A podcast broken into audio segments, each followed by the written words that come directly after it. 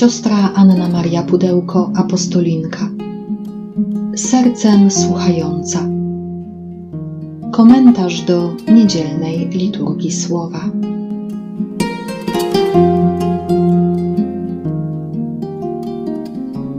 Z Ewangelii według świętego Marka.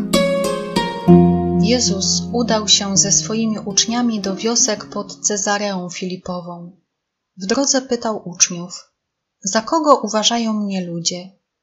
Oni mu odpowiedzieli: Za Jana Chrzciciela, inni za Eliasza, jeszcze inni za jednego z proroków. A on ich zapytał: A wy za kogo mnie uważacie? Odpowiedział mu Piotr: Ty jesteś Mesjasz.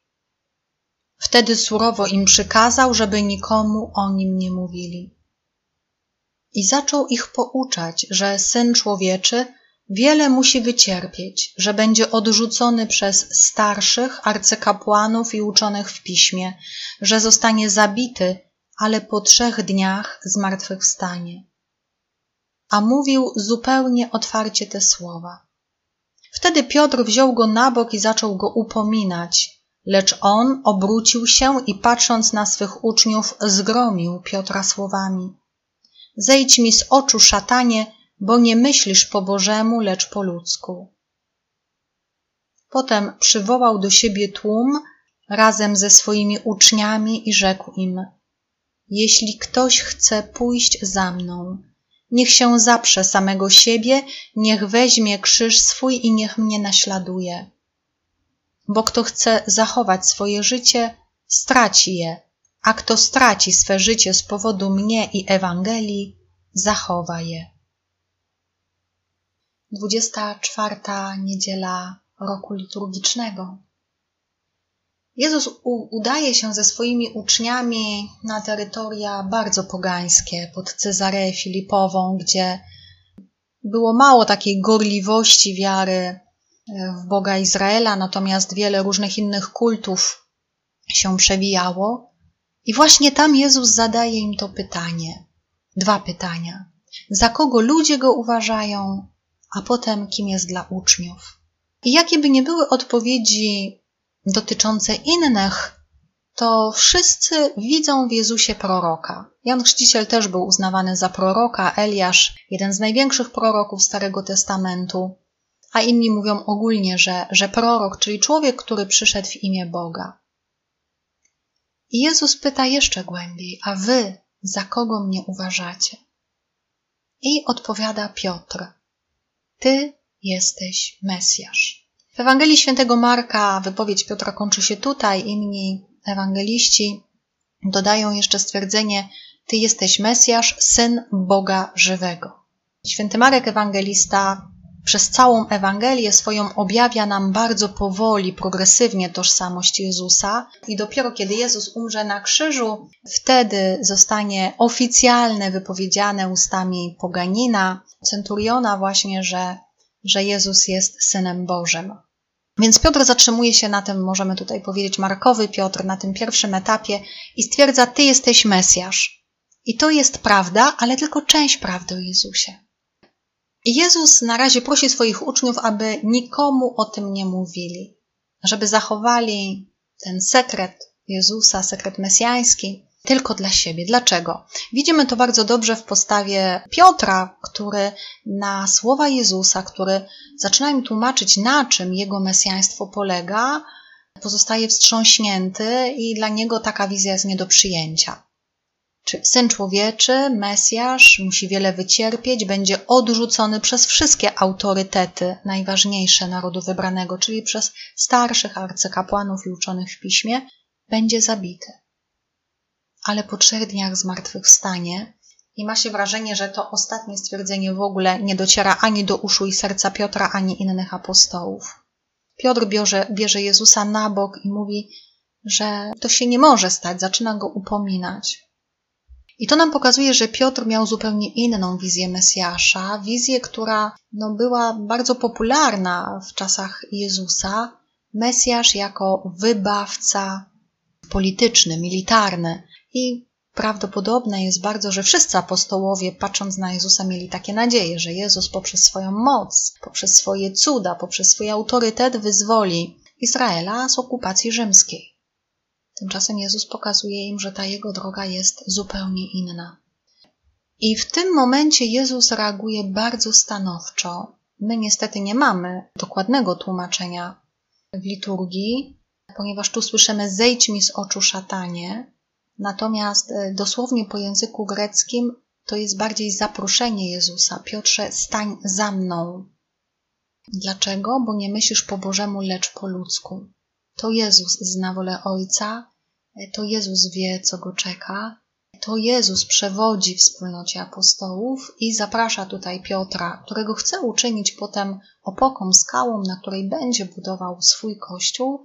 Idź za mną, stań za mną. Piotrze, nie wybiegaj przed szereg, nie wybiegaj przede mnie, to znaczy chcę czynić wolę Ojca.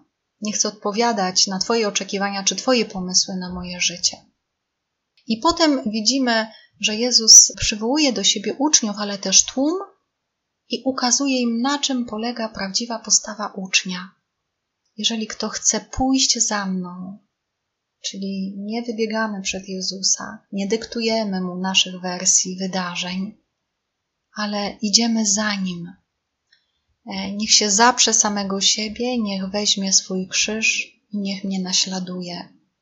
Zaprzeć się siebie to przekroczyć własny lęk, czasami przerażenie, czasami lenistwo, czasami niechęć, przekroczyć też własną kruchość, czyli uwierzyć, że Bóg złożył w nas wiele dobra, które możemy czynić dla Jego, na Jego chwałę.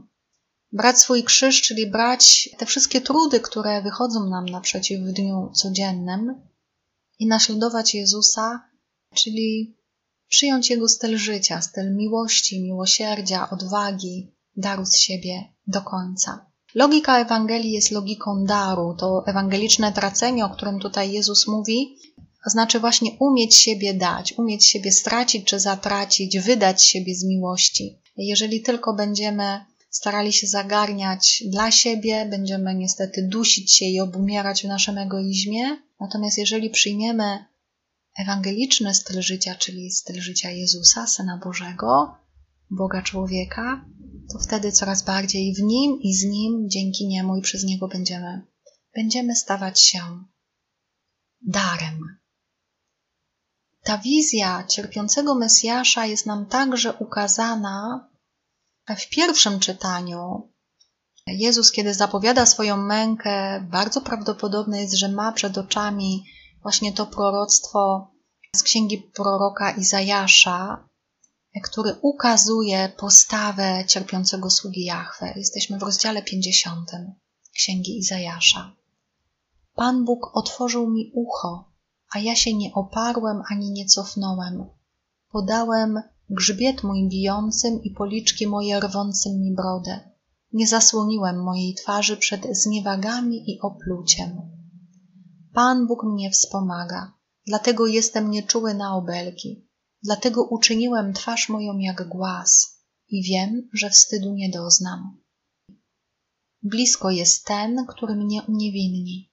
Kto się odważy toczyć spór ze mną? Wystąpmy razem. Kto jest moim oskarżycielem? Niech się zbliży do mnie. Oto Pan Bóg mnie wspomaga. Któż mnie potępi? Prorok Izajasz e, nie mówi nam, kim jest ten tajemniczy sługa Jahwe, nie objawia nam jego tożsamości, a tym bardziej nie mówi nam, że będzie synem Bożym, bo tego objawienia jeszcze nie było w Starym Testamencie, ale ten Mesjasz jest sługą Boga, który bardzo się mu powierza i bardzo się na nim opiera. I przyjmuje to wszystko, co Bóg mu przygotował. I te słowa faktycznie odzwierciedlają mękę Jezusa Podałem grzbiet mój bijącym i policzki moje rwącym mi brodę. Nie zasłoniłem mojej twarzy przed zniewagami i opluciem. Jezus mógł podjąć cierpienie, mękę, ponieważ wie, że Ojciec jest przy nim, że go wspomaga, że go uniewinnia, czyli przebacza ten grzech świata, który Jezus wziął, wziął na siebie. Więc wszelkie oskarżenia, szatana w tym momencie zostały unieważnione przez tą największą, największą miłość do końca. I to wołanie cierpiącego sługi Jahwe zostało usłyszane i przepięknie wyraża to psalm responsoryjny zaczerpnięty z psalmu 116. Spróbujmy usłyszeć go w ustach Jezusa, który jako zmartwychwstały Pan albo nawet jeszcze na krzyżu modli się tym psalmem. Miłuję Pana, albowiem usłyszał głos mego błagania, bo skłonił ku mnie swe ucho w dniu, w którym wołałem. Oplotły mnie więzy śmierci, dosięgły mnie pęta otchłani, ogarnął mnie strach i udręka. Ale wezwałem imienia Pana, Panie, ratuj moje życie. Pan jest łaskawy i sprawiedliwy, Bóg nasz jest miłosierny. Pan strzeże ludzi prostego serca. Byłem w niedoli, a On mnie wybawił.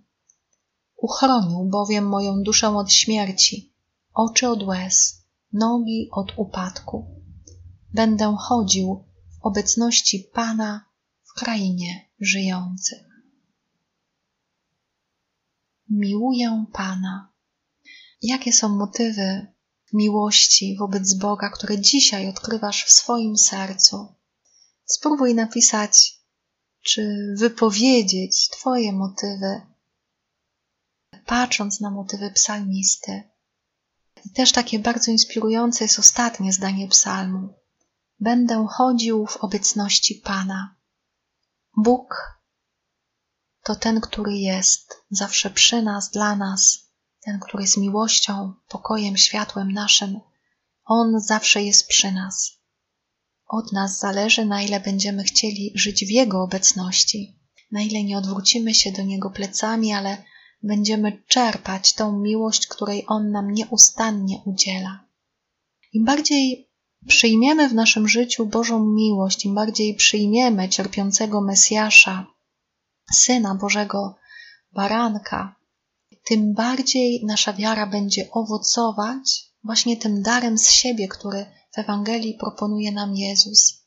I bardzo mocno podkreśla to Jakub apostoł. Kontynuujemy dalej lekturę jego krótkiego listu. Jesteśmy w rozdziale drugim. Jaki z tego pożytek, bracia moi, skoro ktoś będzie utrzymywał, że wierzy, a nie będzie spełniał uczynków? Czy sama wiara zdoła go zbawić? Jeśli na przykład brat lub siostra nie mają odzienia lub brak im codziennego chleba, a ktoś z was powie im: idźcie w pokoju, ogrzejcie się i najedzcie dosyta, a nie dacie im tego, co koniecznie potrzebują dla ciała, to na co się to przyda? Tak też i wiara, jeśli nie byłaby połączona z uczynkami, martwa jest sama w sobie.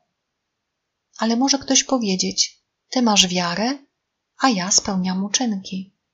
Pokaż mi wiarę swoją bez uczynków, to ja ci pokażę wiarę na podstawie moich uczynków.